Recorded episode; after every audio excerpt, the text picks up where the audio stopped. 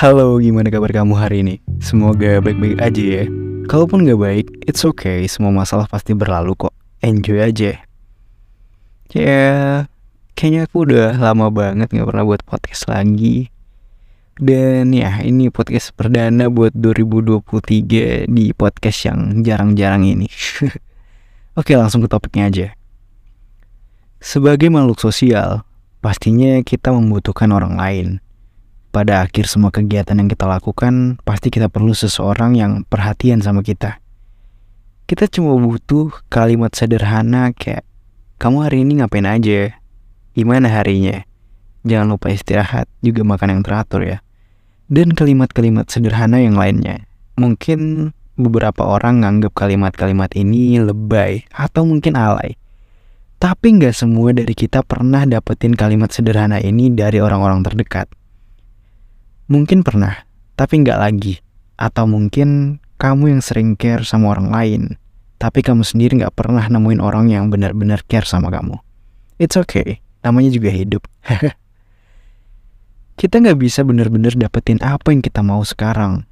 Tapi semoga aja kita secepatnya ditep kita secepatnya dipertemukan sama orang-orang dan lingkungan yang peduli dengan kita dan dapat feedback dan dapat feedback sesuai apa yang kita mau.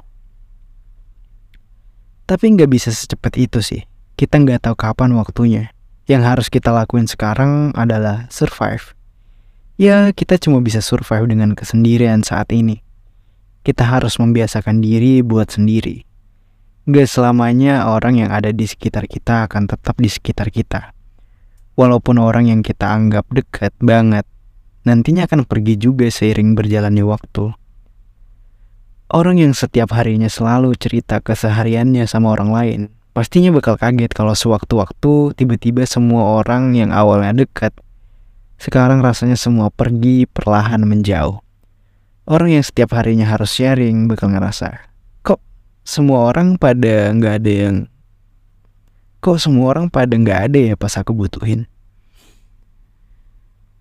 Padahal hal-hal kayak gini wajar sih. Ada suatu waktu memang manusia ditakdirkan buat menyendiri.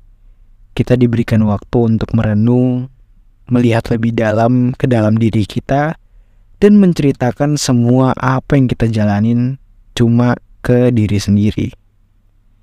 Kalau emang gak ada yang bisa dihubungin lagi, ya sendiri aja dulu. Emang kenapa sih?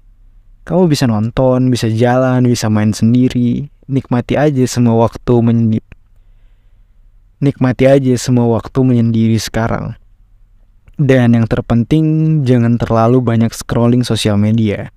Karena pas scrolling TikTok atau Instagram, kamu bakal nemuin video-video yang seharusnya nggak kamu temuin.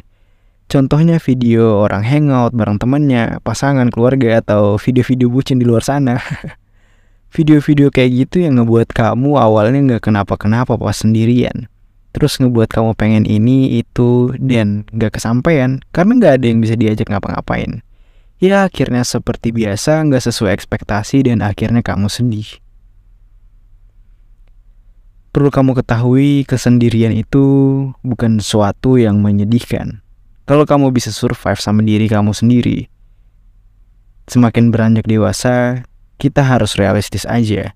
Lingkup jangkauan orang-orang terdekat kita semakin menyempit atau bahkan sampai hilang. Semakin dewasa, kamu akan semakin sadar bahwa orang yang mau deket sama kita bakalan ngelihat benefit apa yang mereka dapatkan dari diri kita. Makanya, saat waktu-waktu sendiri, kita perlu meningkatkan value diri kita.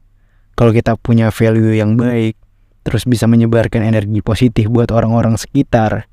Suatu saat kamu nggak perlu nyari orang buat jadi teman kamu atau pasangan kamu, tapi orang yang bakal nyari kamu karena kamu punya value. Aku pernah dengar kata-kata gini, nggak tahu dari mana asalnya, aku juga lupa. Pokoknya kata-katanya tuh kayak gini. Kamu nggak perlu capek-capek ngejar kupu-kupu yang indah. Perindah saja kebun bungamu. Sampai sini dapat nggak poinnya? Ya kita nggak perlu ngejar ya kita nggak perlu ngejar orang yang kita mau kita tinggal perbaiki diri aja dulu nantinya bakal datang orang-orang terbaik buat kita Tinggal kitanya aja yang menyeleksi. Ya, namanya juga kehidupan. Emang penuh seleksi alam. Selagi kamu punya waktu buat menyendiri, lakuin hal-hal yang bisa menambah value kamu. Kamu nggak perlu dengerin apa kata orang. Cukup ikuti ke mana hatimu berkata dan ke mana kakimu harus melangkah selama dalam kebaikan. Menyendiri juga bisa ngebuat kamu lebih produktif, tergantung tontonan kamu apa. Kalau kamu senengnya nontonin hal-hal yang kurang berfaedah atau malah nontonin video-video yang buat kamu overthinking, ya value kamu di situ-situ aja. Apalagi kamu nontonin video-video yang bucin atau quotes-quotes yang ngebuat kamu makin down.